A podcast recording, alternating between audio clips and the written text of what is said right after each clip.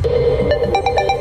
Latvijas basketbolistiem teicams starts pasaules kausā. Mēs jau zinājām, ka šī spēle pret uh, Libānu būs obligāti jāuzvar, lai vispār būtu mums kaut kādas cerības. Tas darbs ir padarīts. Raidījumā pēcpusdienā jau tūdaļ pirmās emocijas un vērtējumi no Džakartas.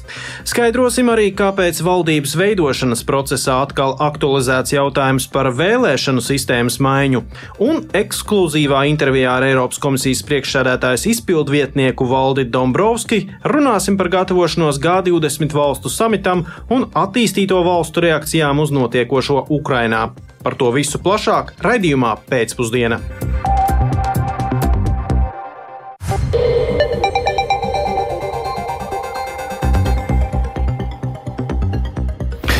Pulkstenis ir 16,5 minūtes, skan pēcpusdienas ziņu programma, skaidrojot šodien svarīgus notikumus. Studijā Kārlis Dagilis, Labdien! Un raidījumu šoreiz iesāksim ar ļoti priecīgu ziņu sportā. Latvijas vīriešu basketbola izlase savā vēsturiski pirmajā pasaules kausa izcīņas spēlē šodien izcīnīja uzvaru. Turklāt to izdarīja ļoti pārliecinoši. Pirms aptuveni divām stundām noslēdzās spēle starp Latviju un Libānu, un rezultāts 109 pret 70 mūsu basketbolistu labā. Džakartā, Indonēzijā, kur notiek daļa no pasaules kausa spēlēm, atrodas arī Latvijas radio korespondents Māris Bergs. Es esmu sveicināts, Māri! Sveiks, Kārlis! Sveicināti klausītāji! Nu, ļoti pārliecinošs rezultāts. Plus 39. Tā nav temperatūra Indonēzijā, Džakartā. Tā ir rezultātu starpība. Vai laukumā redzamais atspoguļo šo gala rezultātu, vai jau no paša sākuma bija redzams ievērojams Latvijas meistarības pārsvars? Nu, teiksim tā, pašās pirmajās minūtēs Libāna jau nespēlēja nemaz tik slikti, taču, protams, Latvijas pārsvars mača gaitā izpaudās arvien vairāk, mūsējiem labāk, krietni ātrāk saspēlējoties, kustinot bumbu pa perimetru starp spēlētājiem un atrodot brīvos metienus, kas, protams, ir ļoti svarīgi. Un līdz ar to Latvijas izlase arī krietni labāk realizēja savas iespējas, jo bija daudz brīvo metienu un tos izdevās arī trāpīt. Libānai nebija tik daudz labu metienu, un mūsējai kopumā ļoti sekmīgi aizsardzībā spēja ierobežot viņu galvenos ieročus ieročus. Kārli? Jā, tad sanāk, ka mūsējiem ir ļoti laba metiena precizitāte bijusi, ir bijusi laba spēle aizsardzībā, kas vēl bija tie faktori, kas mums izdevās, un varbūt bija arī kādas kļūdas, kaut kas, kas nu, arī šajā spēlē nevedās kā gribētos. Jā, nu, teiksim, tā uzbrukumā viss vairāk vai mazāk tiešām arī izdevās. Bumba rotēja un Latvija tik līdz brīviem metriem, kā jau teicu, un uh, mača griezumā realizēja 18 no 35 tālmetieniem un spēlē kopumā ir iemesti 42 no 71 metiena. Tātad no spēles tas ir ļoti, ļoti augsts procents. Tātad metienu precizitāte no spēles 59%. Nu, bieži tā negadās basketbolā, ja tikai ir tik augsta precizitāte. Protams, brīžiem mūsējiem bija arī kādas paviršības. Pirmajā puslaikā, piemēram, pretinieki savāca daudz atlēkušo bumbu uzbrukumā pie mūsu groza, kas nebūtu nav labi. Taču tur puslaika pārtraukumā nedaudz pielāgojāmies. Komanda pamainīja taktiskos risinājumus, un otrajā puslaikā jau paši saimniekoja zem sava groza. Arī aizsardzība kopumā brīžiem varēja būt mazliet, mazliet labāka, bet spēle jau nekad nebūs pilnībā perfekta. Nu, lai nu kā Francijai un Kanādai gan būs jāsagatavojas ļoti nopietni, un uh, mūsējie to noteikti arī darīs. Tagad vakarā atpūšoties un paskatoties skatoties, kā tad spēlēs pretinieki jau pēc brīža. Jā. Kur bija mums uh, galvenie vilcēji spēki un kas viņiem bija sakāms pēc spēles? Jā, no Latvijas izlasē septiņi spēlētāji guva desmit punktus vai vairāk, tāpēc tā lielā mērā ir komandas uzvara. Protams, ja gribam izcelt atsevišķu spēlētāju, tad sāksim ar Dairu Bērtānu, kurš aizvadīja tiešām ļoti kvalitatīvu spēli uzbrukumā. Tagad klausāmies komandas kapteini un rezultatīvāko spēlētāju šajā mačā Daira Bērtānu, kuram 20 punkti un 6 precīzi tālmetieri. Klausāmies Dairi! Principā tāda arī kā mēs viņu gaidījām. Nu, mēs zinājām, ka ir kaut kādas vietas, kur viņi ir bīstami, bet principā, ja viņi atdod ļoti daudz ko atdod aizsardzībā, un mēs vienkārši ar labu komandas spēli, labām piespēlēm izmantojām viņa kļūdas. Stils, kā mums jāspēlē, tieši tā neskatoties to, kas ir pretinieks, jo ir jākustina bumba, jādod piespēle, visi jāiztaist uzbrukumā. Lūk, tā. Tāpat noteikti jāpaslavē Rolands Šmits jā, par savu veikumu spēles. Pirmajā daļā Šmits izcēlās ar 17 punktiem un 7 atlikušajām bumbām. Kārli. Jā, nu, mēs zinām, ka mūsu basketbola izlase nav tādā pilnā komplektācijā. Visi labākie spēki nevar, diemžēl, uh, spēlēt. Bet, nu, mēs, protams, gaidām arī no mūsu otra NBA pārstāvi, no Dāvija Bertāna, nu, tādu līderu cienīgu sniegumu, vai mēs no viņa šo redzējām laukumā, kas Dāvim bija sakāms pēc spēles? Jā, Dāvis izdarīja vairākus precīzus tālmetienus. Viņš varbūt tik ļoti neizpaudās, bet nu, katrā ziņā no Dāvija mēs tiešām sagaidīsim, cerams, sagaidīsim lielākus, lielāku spēli, labāku spēli pret Franciju un uh, Kanādu. Bet tagad tiešām klausāmies, ko pēc spēles teica Dāvis Bērtāns braucot uz turnīru, mēs jau zinājām, ka šī spēle pret uh, Libānu būs obligāti jāuzvar, lai vispār būtu mums kaut kādas cerības. Tas darbs ir padarīts. Es domāju, ka mēs ilgi uz to vairs neskatīsimies atpakaļ un sāksim jau fokusēties uz nākamo spēli. Tāds labs sākums, kā sajust to ritmu, dabūt to pozitīvo sajūtu tieši lielākajai daļai spēlētāju metieniem, kas mums ir ļoti svarīgi. Jā, nu, Mārija, dzirdam, ka ritms ir sajusts, uh, bet es uh, tādu mazliet piesardzību. Mēs atceramies pēdējā pārbaudas spēlē pirms uh, pasaules kausa pret Lietuvu. Nu, uh, pārliecinošais zaudējums. Šis te mums bija augsta duša, daudz eksperti tā uzskatīja. Vai tagad šī pārliecinošā uzvara mūs uh, mazliet neiemidzinās pirms izšķirošajām cīņām ar Franciju un Kanādu? Eh, jā, zaudējums lietuviešiem tik tiešām bija augsta duša. Latvijas komandai varbūt pamodināja no tāda miega mazliet, bet eh, šī uzvara noteikti neiemidzinās. Un arī komandas treneris Luka Banki pēc spēles to vairāk kārt uzsvēra, ka nākamajās spēlēs nāks krietni meistarīgākas komandas. Tās būs fiziski spēcīgākas, atletiskākas, izpildītāji galu galā būs augstākas kvalitātes. Mēs tomēr runājam par Eirolandes un NBA spēlētājiem. Līdz ar to eh, būs daudz, daudz grūtāk. Un nevajag iedomāties, ka tik laba spēle uzbrukumā mūsējiem tik vienkārši padosies pret Franciju un Kanādu. Protams, ja būs brīvi metieni un tie kritīs grozā, ir iespējas uzvarēt jebkuru, bet eh, pretī būs augstāka līmeņa izpildītāji, krietni augstāka līmeņa spēlētāji. Jā, jau nākamā spēle pavisam uh, drīz pret Franciju. Arī labrītā Māri Tava un Andreja komentāri un vērojumi par uh, mūsu sniegumu. Tas būs dzirdams arī labrītā. Paldies, es tev saku no, no Indonēzijas, Džakartā, kur tad, tad Latvijas izlase ar ļoti pārliecinošu uzvaru ir iesākusi pasaules kausu.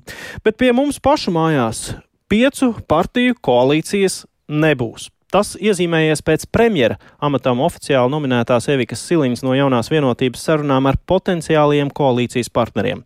Nav arī skaidrs, kuras no četrām partijām kopā ar jauno vienotību veidos to koalīciju. Tas varētu atklāties pēc vēl viena saruna raunda nākamnedēļ. Kāds tad ir šodienas partiju sarunu Iznākums detalizētāk zina stāstīt uh, mans kolēģis Jānis Kīncis, kurš pievienojas mums studijās. Sveiks, Jāni! Sveicināti! Tātad eh, šodien tas, eh, tā, tā pirmā diena ir eh, aizritējusi, kurā premjeramatam oficiāli nominētā Evika Siliņa tikās ar potenciālajiem koalīcijas partneriem, lai pārnātu iespējas izveidot plašu koalīciju. Visi potenciālie Partneri pauduši gatavību strādāt Ciliņas vadītā komandā, un prioritārie jautājumi, kuros ir vienprātība, ir papildu ieguldījumi valsts iekšējā un ārējā drošībā. Savukārt jau tagad redzams, ka gaidāmi strīdi budžeta sagatavošanas apspriedēs par to, kas nu būs tie prioritārākie pasākumi, kuriem paredzēt valsts budžeta finansējumu. Savukārt cilvēktiesību jautājumu lokā nav sagaidāms, ka Nacionāla apvienība varētu mainīt nostāju un atbalstīt Stambuls konvenciju. Tāpat arī domstarpības paredzams par ārvalstu darba spēka piesaisti. Šīs dienas sarunās spriest arī par Zaļo zemnieku savienības nonākšanu valdībā, valdības koalīcijā un kā novērst ASV sankcijām pakļautā Ievara Lemberga nevēlamākus ietekmes aspektus. Un to plānots juridiski korekti fiksēt ar atrunu koalīcijas līgumā, ka lēmumu sagatavošanā piedalās tikai saimā ievēlēti vai valdībā apstiprināti politiķi. Taču šis viss ir tāds lielā mērā jau daudz kas no šī jau ir šīs nedēļas laikā dzirdēts jau iepriekš. Un, um, jāsaka, ka šodien arī nav radusies skaidrība par to, kāds varētu būt šis nākamās koalīcijas modelis. Esot skaidrs, ka piecu politisko spēku veidot koalīciju nav iespējami un ticami, ka būs jāizvēlas uh, par to starp Nacionālo apvienību un progresīvajiem savukārt. Lielāka skaidrība, protams, ir par to, ka koalīcijā varētu iesaistīties jaunā vienotība, kā vadošais spēks un apvienotais saraksts, un arī Zaļo zemnieku savienība. Un uz jautājumu par to, vai lēmumu par to sagaidām jau jaunadēļ, Evika Siliņa atbildēja šādi. Es būtu priecīgi, ja tas tā būtu, bet tas ir noteikti arī ne tikai mans, bet arī mūsu valdes un, protams, arī potenciālo koalīcijas partneru lēmums. Es izdiskutēšu to ar jaunās vienotības biedriem, un tad arī noteikti skatīsimies, vai mums ir jau skaidrs, izveidojies, noformulējies viedoklis, vai ir vēl nepieciešams kādas konsultācijas. Es pieļauju, ka mums varētu būt vēl viens sarunu rauns, un mēs noteikti jūs par to informēsim. Citiem vārdiem sakot, nenotiek tik strauji tās sarunas. Nav tā vienprātība pietiekami liela. Nu, vienprātību gan jau izdosies rast diezgan drīz, jo tiešām partiju pārstāvji ir tikušies sarunās jau kopš jūnija sākuma. Atcerēsimies, ka Evika Siliņa oficiāli uz šo Tātad, kā nom, nomināciju pre, premjeras amatam viņi saņēma tikai vakar. Varbūt ne ātri, ne lēni. Bet vēl nedaudz pastāstot par to, kā notika šīs sarunas, par ko tad politiskie spēki runāja šodien. Tad, tad no rīta jau bija sarunas ar apvienoto sarakstu un ZZS pārstāvjiem, par ko jau vēstījām. Un šajā pēcpusdienā Sarunas turpinājās ar Nacionālo apvienību un progresīvajiem, un Nacionālās apvienības pārstāvji kā galvenās prioritātes turpmākajā darbā nosauca valsts drošības stiprināšanu, ekonomisko attīstību, arī latviskās identitātes stiprināšanu, par ko nekāda domstarpība ar jauno vienotību nesot. Un runājot par topošās koalīcijas modeli, Nacionālās apvienības pārstāvi norādīja, ka izšķiršanās par labu Nacionālās apvienības vai progresīvo iekļaušanai valdībā ir tās veidotāju jaunās vienotības atbildība. Un pašlaik ir vienota izpratne, ka valdība ir jāizveido ātri un nedrīkst kavēt budžeta pieņemšanu. Tiešos vārdos nepasakot, Nacionālās apvienības pārstāvi izklausījās visai pārliecināti par iespējām turpināt darbu valdībā, taču tas nesot pašmērķis. Lūk, aizsardzības ministrs Ināras Mūrnieces teiktais. Valdība ir jāizveido ātri, budžets ir jāpieņem nekavējoties, budžeta pieņemšanas process nedrīkst tikt kavēts. Un arī, ja valdības deklarācija tiktu izveidota nu, īsāka, kompaktāka, pārskatāmāka ar darāmajiem darbiem, nu, to varētu sadalīt posmā gads vai pusgads. Tad, eh, domāju, tad arī panākt arī ātrāku valsts dzīves attīstību. Tas būtu apsveicami ļoti vēlami. Nu, tā tad viena vai otra nacionāla apvienība vai progresīvie, viņiem arī noteikti kas ir sakāms par šo iespējamo palikšanu opozīcijā. Nu, viņi ir tikpat pārliecināti, kā tikko dzirdētie kolēģi no Nacionālās apvienības, un uz jautājumu par koalīcijas modeļa vēlamo izvēli progresīvo līderis Kaspars Briškens uzsvēra, ka sagaida jaunās vienotības lēmumu par Nacionālās apvienības atstāšanu ārpus koalīcijas. Lūk, arī Kaspara Briškens sacītais. Vairākos jautājumos arī iepriekšējās koalīcijas laikā mēs redzējām, ka Nacionāla apvienība mēģina ienest uh, dienas kārtību, kas nevienmēr uh, veicina uh, labu sadarbību un tādu konstruktīvu virzīšanos uz priekšu sabiedrībai svarīgos jautājumos. Vienalga, vai tie būtu jautājumi, kas ir saistīti ar sabiedrības integrāciju, vai ekonomikas attīstību, vai iekļaujošu darba tirgus attīstību. Šajā gadījumā mēs uzskatām, lai Latvija izrautos no tādas stagnātiskas attīstības, koalīcijas modelis ar četrām partijām bez NA būtu optimāls. Un tad vēl viens temats, ko šodien ieskicēja apvienotais saraksts, proti, aktualizēja savā programmā, savā priekšvēlēšana programmā pausto punktu par vēlēšanu sistēmas maiņu, paredzot pusi saimnes deputātu ievēlēt tā kā tas ir bijis līdz šim no partiju sarakstiem, bet otra puse nu, vienmandāta apgabalos, kas ļautu vēlētājiem nepietiekama veikuma dēļ arī atsaukt kādus ievēlētos deputātus. Tagad jāsaka, ka politisko partneru komentāri par šo ierosinājumu pagaidām ir tādi atturīgi. Nacionāla apvienība savu viedokli vēl nav formulējuši. Tāpat arī progresīvie atzina, ka ir daudz prioritārāk jautājumi, par ko šobrīd spriest. Savukārt ZZS uzsver, ka neviens šo jautājumu vēlēšanu sistēmas izmaiņu vēl nav detalizēti izstrādājis, tāpēc par to šobrīd var runāt tikai teorētiski. Nu, lūk, tad, kāda konkrētāka un skaidrāka pavērsiena valdības veidošanas procesā gaidāmi visticamāk nu, nākamās nedēļas sākumā, pirmajā pusē. Taču šim brīdim par šo tematu tas arī viss. Jā, paldies, Jāna. Šī, šī tiešām ir ļoti būtiska detaļa par šo iespējamo vēlēšanu sistēmas maiņu. Mums šo sarunu klausījās arī konstitucionālo tiesību eksperts Edgars Pastars. Labdien arī jums! Labdien! Kā jūs domājat, kāpēc valdības veidošanas procesā tagad ir atkal aktualizēts šis jautājums par vēlēšanu sistēmas maiņu? Jūsuprāt, tas ir vienas konkrēts partijas izdevīgums, šajā gadījumā apvienotais saraksts, vai sabiedrībā pēc tā ir atkal lielāks pieprasījums. Varbūt uh, Alvija Hermaņa slavenā intervija viens pret viens, kur viņš vispār provokatīvi aicināja atteikties no partijas sistēmas kā tādas. Kas varētu būt iemesls?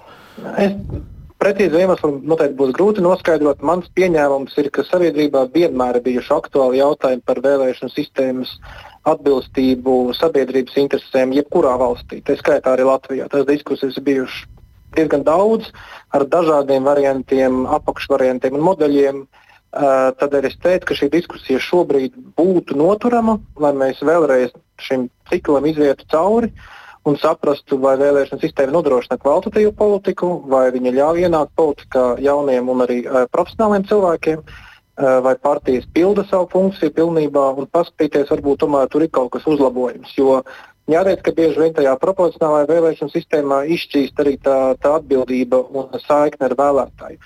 Jāsaka, gan divas lietas. Pirmkārt, satversmes sestais pāns būtu jāgroza. Tas prasītu referendumu ar visvairāk nekā puse visu balstīsīgo atbalstu, kas ir diezgan grūti nodrošināms un izaicinošs pasākums.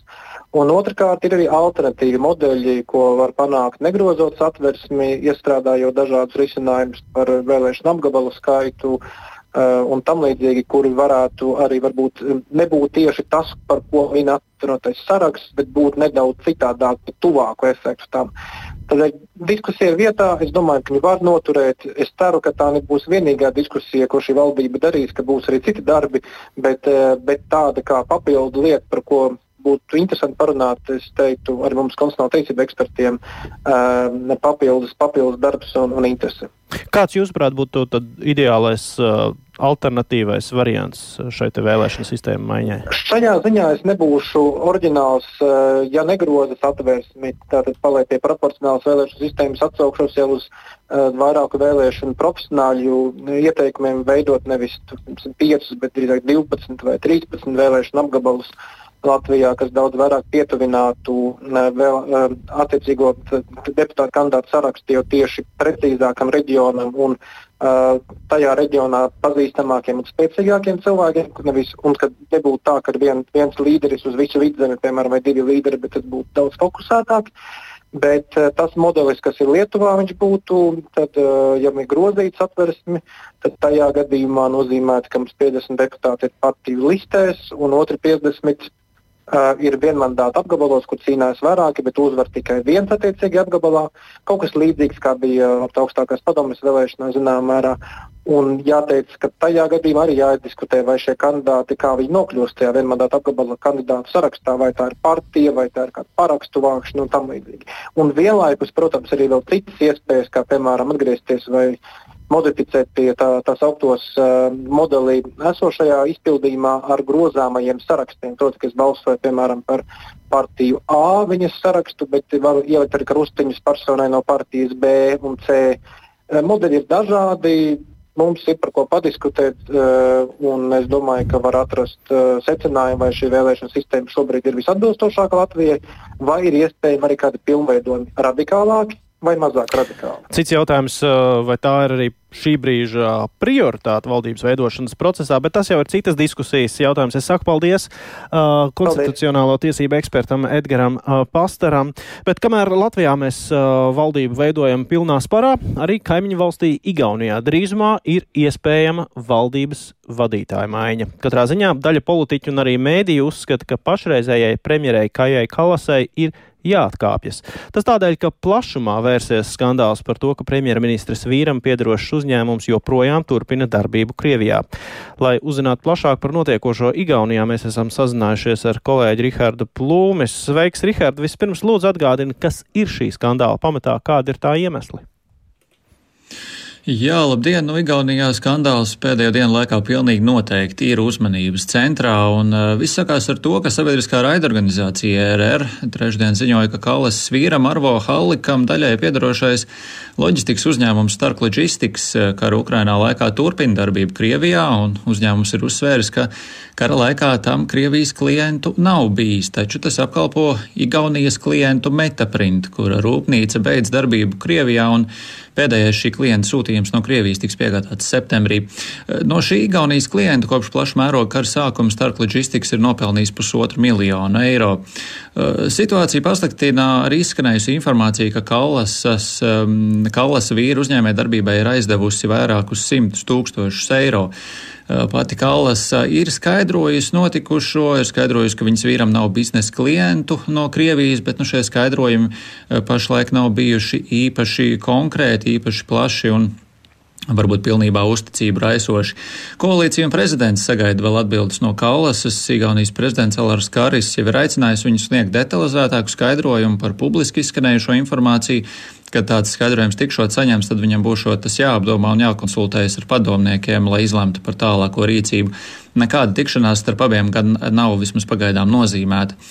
Premjers vīrs šodien ir izsūtījis paziņojumu medijiem, kurā viņš ir solījis nekavējoties pārdot viņam piedarošās starploģistikas akcijas, atkāpties arī no uzņēmuma valdes un lauzt darba līgumu ar finanšu direktoru.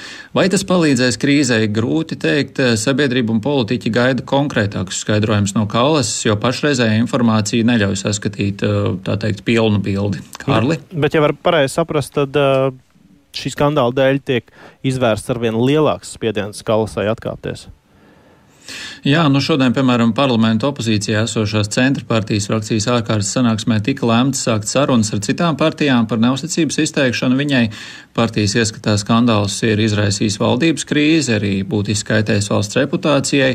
Opozīcijā esošās partijas tēvzeme līderis Urmas Reinselu tikmēr arī paziņojas, ka Kallasai vajadzētu atkāpties nekavējoties un opozīcija gatavo neusticības balsojumu parlamentā nākamnedēļ, tad arī būs skaidrs, kāds ir atbalsts premjerei eh, koalīcijā. Koalīcijā pašlaik nav skaidra un vienota viedokļa, kāds vēlas plašākas detaļas, arī saņemt uh, skaidrojumus. Eh, citi politiķi jau izteikušies, ka notiekošais izskatās ļoti, ļoti slikti. Un uz atkāpšanos Kalus aicina ne tikai politiķi, arī lielāko laikrakstu redaktoru viedokļu rakstos šodien ir pausts aicinājums Kalasai atkāpties un nesāsināt valdības krīzi. Piemēram, laikraksts eh, Ohtulekt eh, vienkārši iesaka Kallasai atvainoties, bet medijas postimēs rakstā, ka Kallasas laiks ir beidzies. Un eh, pirms brīža sarunājos ar laikrakstu žurnālistu Meinārdu Pulku un paklausīsimies, ko viņš par šo visu skandālu man teica. I personally think uh, that uh, it really looks Es personīgi domāju, ka tas izskatās ļoti nelāgi un šķiet neizbēgami, ka kādā brīdī premjerai būs jāatkāpjas. Vēl ir detaļas, ko nezinām. Nezinām kopējo bildi par viņas vīra ietekmi šajā biznesā. Galvenais draudz premjerai un viņas vīram ir biznesa partneris Metaprint, kurš ir nodarbojies ar biznesu Krievijā. Bet Kallasas virzienā vērsta kritika, ka pirmajā intervijā viņa bijusi agresīva un nebija īpaši ieinteresēta atklāt konkrētas detaļas detaļas, bet kuriozākais fakts par šo skandālu ir, ka Kallasa esot uzzinājusi par šo biznesu tikai pēc intervijas pieprasījuma šīs nedēļas sākumā, bet varbūt viņa melo un zināja to šo visu laiku. Maybe she did know, did know this all the time. Jā, nu kā mēs esam dzirdējuši, tad pat Kālas par vienu no skaļākajām, eh, tiek uzstīta par vienu no skaļākajām, ietekmīgākajām balsīm eh, rietumos, eh, plaša mēroga kara laikā, aicinot noteikti bargākas sankcijas pret Krieviju. Viņa arī mudinājusi Eiropas uzņēmumus pārtraukt biznesa attiecības ar Maskavu, nu, un līdz ar to tagad tas, protams, izskatās, ka reālajā dzīvē no viņas puses viss ir bijis citādāk, kamēr šur tur saka vienu, vīrs nodarbojas ar kaut ko citu, bet nobeigumā vēlos teikt, ka ir arī pasūtīta un šo šodien publicēta sociālo pētījumu institūta Norstat sabiedriskās domas aptauja, un e, tā liecina, ka arī vairāk nekā pusie 57% sabiedrības e, uzskata, ka Kalasai būtu jāatkāpjas, e, vēl 31% respondentu šajā aptaujā uzskata, ka viņai būtu jāsniedz vismaz paskaidrojumi, bet amatu viņa nu, varētu varbūt arī saglabāt. Kārli? Jā, nu izskatās, ka Igaunijā vismaz uh, varētu, ja ne mainīties koalīcija, tad uh, premjeras atšķirībā no Latvijas, bet dodoties tālāk uz citām uh, ārzemēm, pirms septembra sākumā gaidāmās G20 valstu līderu sanāksmes Indijā, šajās dienās Džaipurā noritēja Pasaules attīstīto valstu tirzniecības ministru sanāksme. Starp tehniskiem jautājumiem ministri vienojās vienkāršot mazo un vidējo uzņēmumu starptautisko digitālo tirzniecību, taču daudz būtiskāk globālo notikumu kontekstā ir G20 valstu reakcijas uz notiekošo Ukrainā un BRICS valstu bloka paplašināšanos. Pēcpusdienā mēs ekskluzīvi sazvanījām Eiropas komisijas priekšsēdētājs izpildu vietnieku Valdi Dombrovski, kurš atrodas Indijā, lai uzzināt vairāk par gaidāmajām Eiropas Savienības divpusējām sarunām ar Indiju un G20 tirzniecības ministru sanāksmes iznākumu.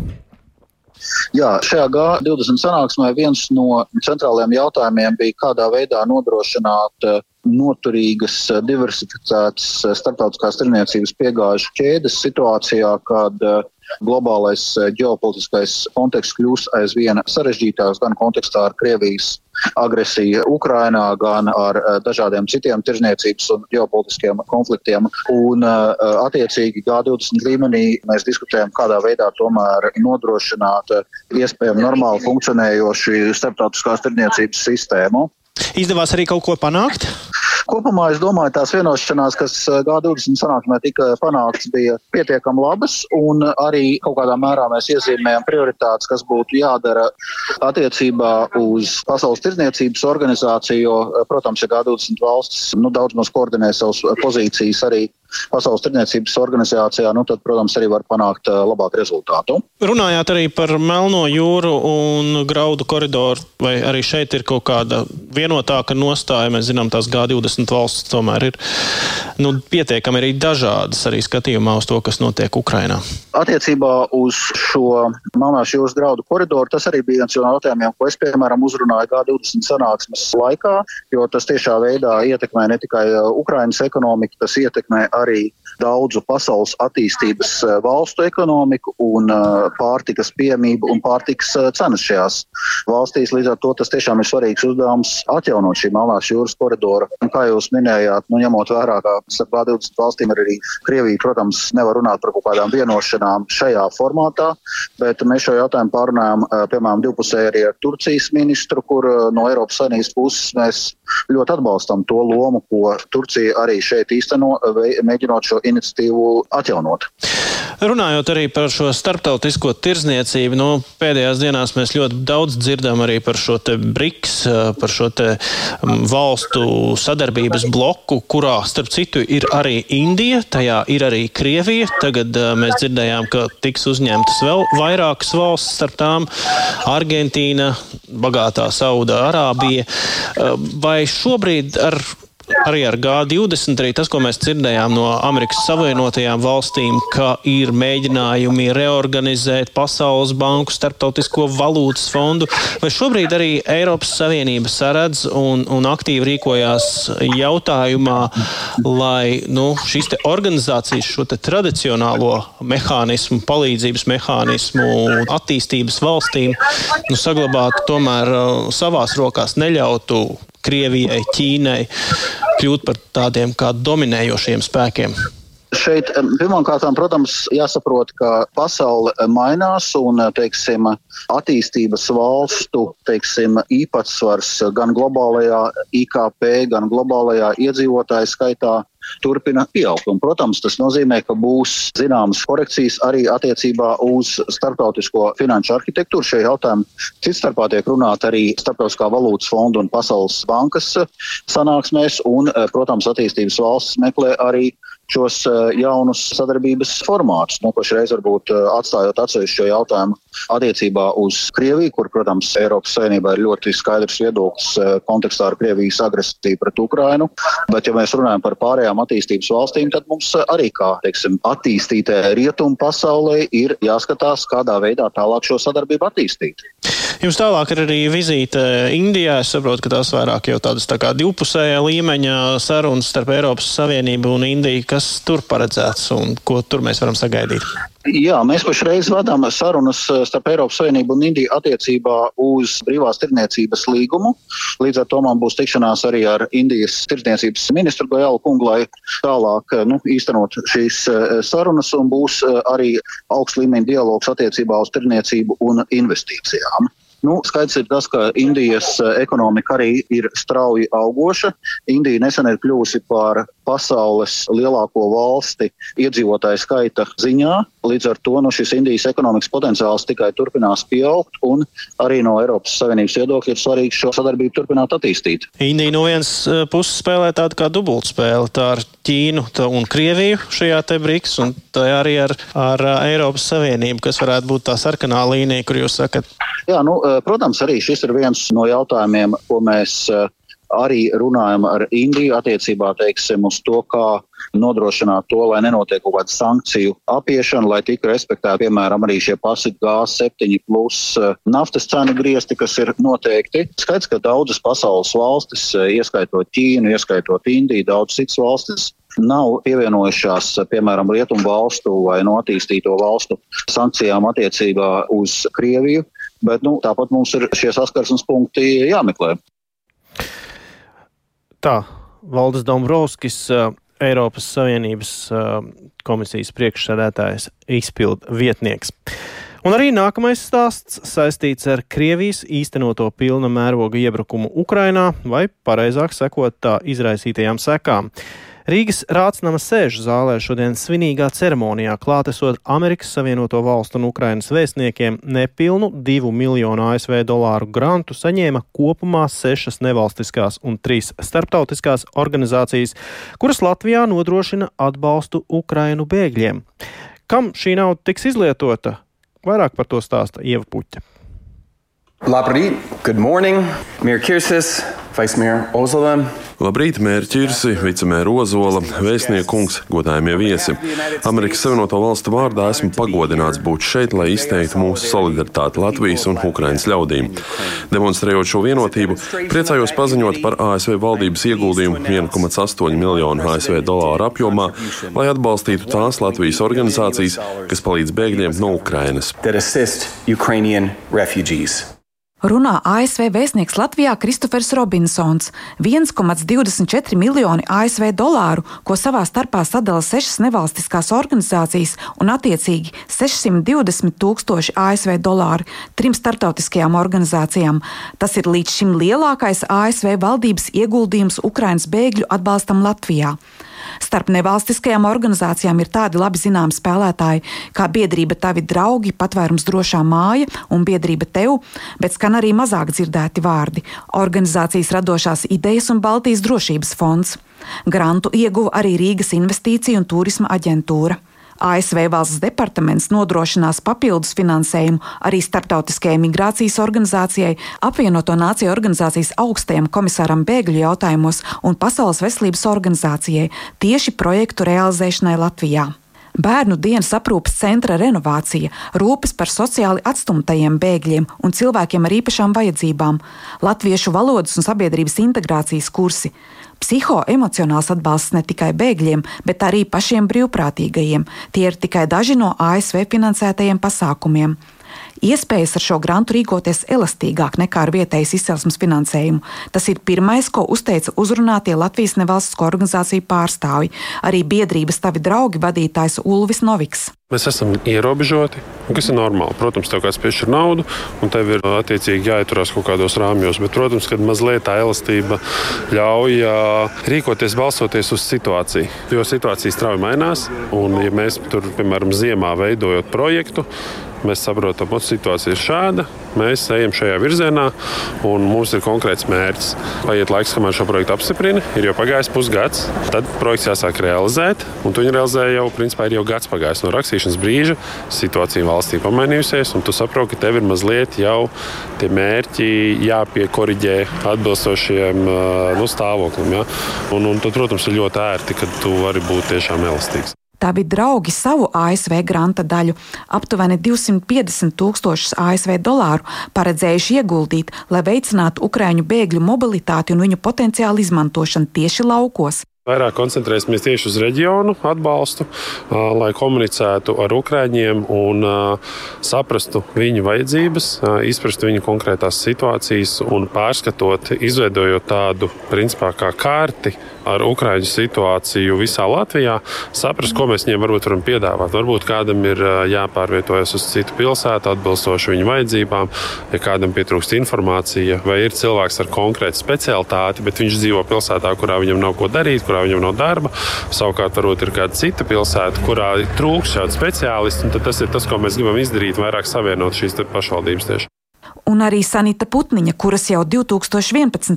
gadā dibinātā biedrība radošās idejas līdzīga apjoma ASV grantu saņēma pirmoreiz, visvairāk uzteica iespēju to izmantot patiešām nevis formāli, bet vadoties pēc konkrētu cilvēku nepieciešamībām. Radošās idejas Ukraiņiem organizē ne tikai latviešu, bet arī angļu valodas un uzņēmēja darbības pamatu kursus. Par ko ir vislielākā interese? Par valodu kursiem, par uh, angļu valodas kursu. Bet valodu kurs ne pamat līmenis, bet jau augstākais līmenis, piemēram, mums ārstiem, ārstu grupas, kas ir bijušas, lai viņi strādātu Latvijā, viņiem vajag C1 līmeni. Tad, principā, mēs jau iepriekš mācījām viņiem B1 līmeni, tad tagad mēs mācīsim viņiem B2 un C1 līmeni, lai viņi oficiāli strādātu arī Latvijā. Jūs tā kā elastīgi pielāgojaties vajadzībām mazākai, mazākām grupām? Jā, mēs pēc viņu vajadzībām, ja ir grupā ārstu un viņiem vajag to B2 līmeni, tad mēs viņiem arī nodrošinām to. Mēs tikko sarunājām ar vēstnieku kundzi, jo viņai patīk pēc profesijas angļu valodas skolotāja, mēs jau sarunā vienojāmies, ka viņa nāks arī kā brīvprātīgais mums uh, angļu valodu pasniegt. Sanita Putniņa šeit min ASV vēstnieka Latvijā dzīves biedri Donku Robinsoni kura arī bija ieradusies uz grantu piešķiršanas ceremoniju un aktīvi komunicēja ar vēl vienu nevalstisko organizāciju, Baltijas drošības fondu, kas arī nodrošinās angļu valodas apmācību Ukraiņas bēgļiem, lai uzlabotu viņu izredzes darba tirgu un piesaistītu informācijas telpai angļu valodā, kas savulaik bija tik svarīga arī Latvijai, integrējoties rietumu pasaulē. Ieva Puķa, Latvijas radio. Šāds lūk stāsts par Ukraiņu bēgļiem un organizācijām, kas šeit Latvijā tiem palīdz. Bet mūsu pēdējais stāsts redzējumā pēcpusdienā par kaut ko pavisam citu. Pievērsiet uzmanību, kāds krekls jums šodien ir mugurā.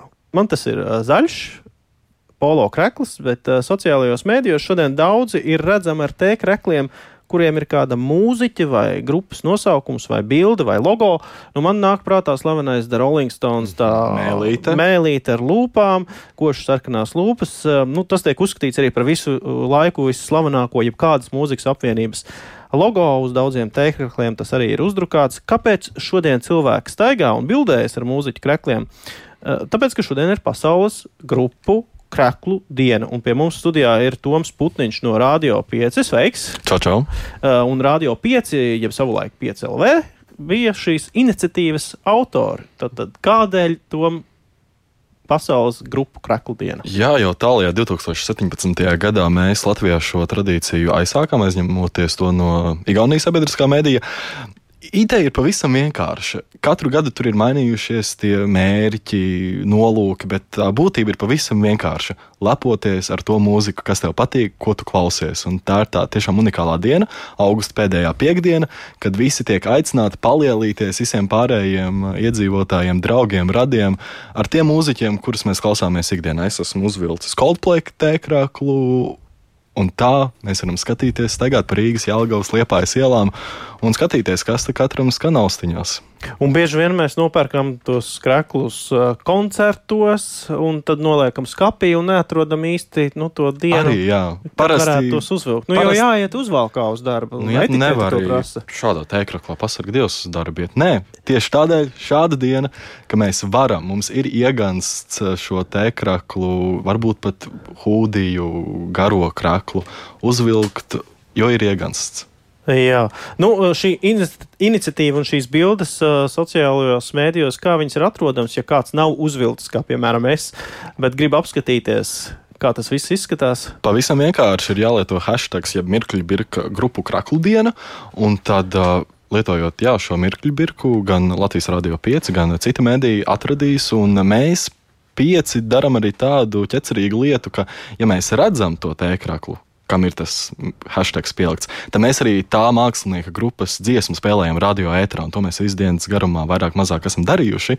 Tā kā nekas arī vēl nav zaudēts. Ja vēl bilde nav ievietota sociālajos tīklos, vēl visas iespējas to izdarīt un pat dzirdēt šī mākslinieka dziesmu Latvijas radio 5 ēterā. Un ja kāda mājās nav, vēl var mēģināt paspēt kaut kur nopirkt. Pat ne nopirkt, uztaisīt mums jaunā Uzzīmēt. kolēģe Anna Marta Daldere, viņa izprintēja Nirvānas uh, logo uz A4 lapas un to pielīmēja ar parasto līmlēni klāt pie balta tēkraka un lūk, grupu krakls gatavs. Es aizķēros aiz vārda jaunu kolēģi, un patiesībā es arī ļoti vēlējos šo jautājumu pajautāt. Nu, šī ir tā nedēļa, kad Štepselis Radio 5 ir atkal. Mm -hmm uh, pieslēgts, remonta radio ir beidzies. Uh, kādas ir bijušas šīs izmaiņas un kā jaunais skanējums ir uh, sācis skanēt? Kā es teicu, vienai viesņai, kas šobrīd runā Radio 5, tad uh, vienīgā lieta, kas nav mainījusies, ir lokācija tā pati. Latvijas Radio 9. studija, tas ir palicis nemainīgi, bet vispārējais nu, vairāk vai mazāk ir mainījies. Tagad mēs esam uh, dzirdami kā Latvijas Rādio 5 lineārajā ētrā, un tas 5LV, kas ir bijis jau no 13. gada kopā ar mums, tagad ir multimedijos. Sociālajos tīklos ir 5LV. Tie ir tie divi stāsti, kas no 23. augusta ir sākušies. Un par tiem diviem stāstiem, principā, būtiskākais ir nodalīts mērķa auditorijas.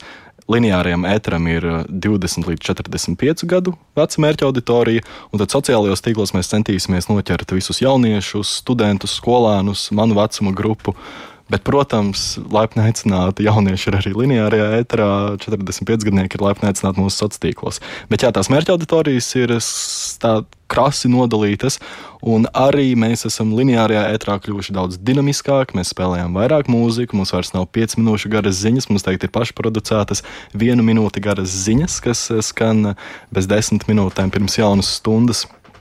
Ar to mērķi, jā, padarīt mūsdienām mūsdienu standartiem atbilstošāku šo dinamismu, kā mums pēdējos mēnešos patīk lietot šo vārdu. Daudz jaunu cilvēku radio gaitņos, daudz jaunu cilvēku arī radio 5. Ētrā es saku paldies Tomam Putniņam par šo sarunu, un arī ar to noslēdzās mūsu pēcpusdienas ziņu raidījums, ko veidoja Kārlis Dagils un Ilze Agīnta, kā arī Ulds Grīnbergs un Katrīna Bramberga. Un, ja vēlaties pārraidi noklausīties vēlreiz vai dalīties ar citiem, to var atrast Latvijas radio mobilajā lietotnē, kā arī mirkli vēlāk lielākajās raidierakstu platformās ar nosaukumu Dienas ziņas. Visu labu! Yeah.